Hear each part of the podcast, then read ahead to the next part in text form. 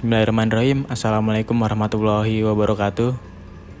Perkenalkan nama saya Arsad Hafiz Dinullah NIM L100 19165 Mahasiswa dari Fakultas Komunikasi dan Informatika Prodi Ilmu Komunikasi Universitas Muhammadiyah Surakarta.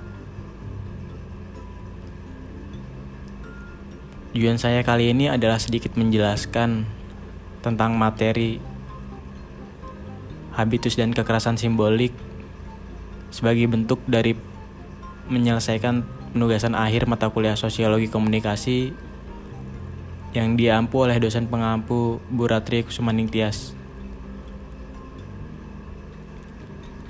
Sebelum itu, alangkah lebih baiknya jika kita memahami pengertian terlebih dahulu tentang habitus dan kekerasan simbolik.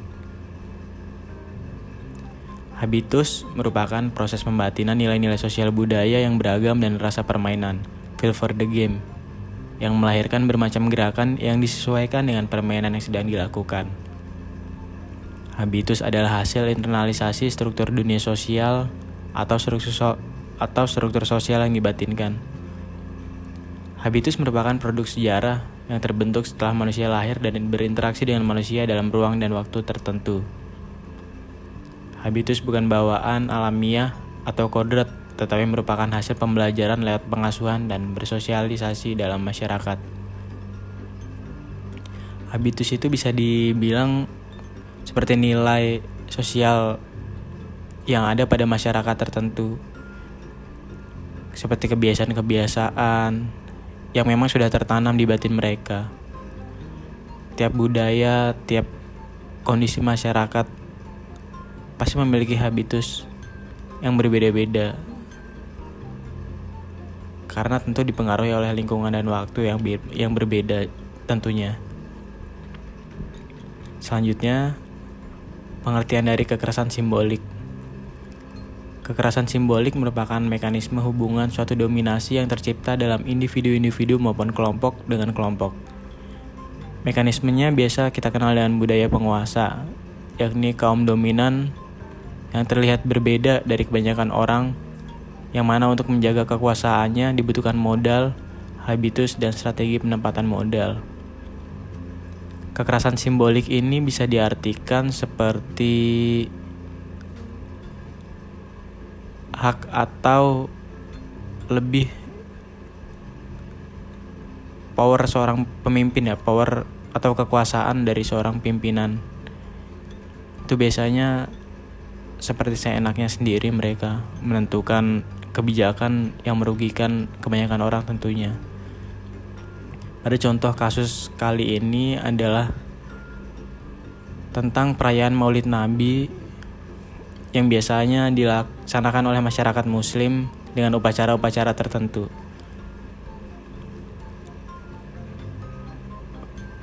Pengertian Maulid Nabi itu sendiri adalah merupakan salah satu tradisi keislaman masyarakat Indonesia dalam memperingati hari lahir Nabi Muhammad SAW yang sekaligus juga merupakan hari wafatnya beliau. Peringatan Maulid Nabi dilaksanakan dengan tujuan agar menumbuhkan rasa cinta kepada Rasulullah serta memperkuat ukhuwah di antara kaum muslimin. Tradisi maulid ini biasanya secara rutin dilaksanakan pada tanggal 12 Rabiul Awal atau sepanjang bulan maulid setiap tahunnya yang dilaksanakan di hampir semua daerah di Indonesia. Bentuk tradisi peringatan maulid Nabi di Indonesia sangat beragam. Setiap daerah memiliki tradisi unik masing-masing dalam pelaksanaannya. Masyarakat Aceh dengan Meuripe, Kesultanan Yogyakarta dengan Gerbek Maulid, di Madiun ada tradisi sebar udikan, di Mojokerto ada tradisi keresan, dan masih banyak yang lain. Hal itu juga sudah melekat dalam masyarakat. Namun melihat kondisi saat ini dengan wabahnya dengan tersebarnya virus COVID-19 sehingga mengakibatkan pandemi yang berkepanjangan, tentu pemerintah atau pemilik atau pemilik kekuasaan mengarahkan untuk tidak diadakannya upacara-upacara tersebut. Bahkan mengundur mengundurkan hari liburnya itu sampai esok harinya. Hal ini merupakan suatu fenomena kekerasan simbolik dari penguasa. Mungkin kita merasakan secara tidak langsung, namun perlahan hal itu merupakan usaha pelemahan persatuan masyarakat muslim yang berkumpul untuk menjalin silaturahmi di balik istilah perayaan Maulid Nabi. Kemudian merupakan usaha pelemahan para kiai atau ulama yang ingin berkembang. Jalan mereka untuk menyampaikan ilmu malah dipersulit oleh penguasa. Tuh. Jadi yang Maulid Nabi itu niat dari masyarakat muslim itu untuk memperkuat ukhuwah Islamiyah. Namun karena diarahkan oleh pemimpin atau pemerintah untuk tidak melaksanakannya, maka tentu ukhuwah itu akan agak sedikit longgar. Berarti silaturahim antar sesama muslim akan sedikit longgar karena hal itu ditiadakan oleh pemerintah. Yang kedua tadi ada sebagai bentuk pelemahan para kiai atau ulama yang ingin berkembang. Jadi dakwah yang biasanya mereka selalu menyampaikan di acara upacara-upacara Maulid Nabi itu bisa ada di pengajian mereka menyampaikan.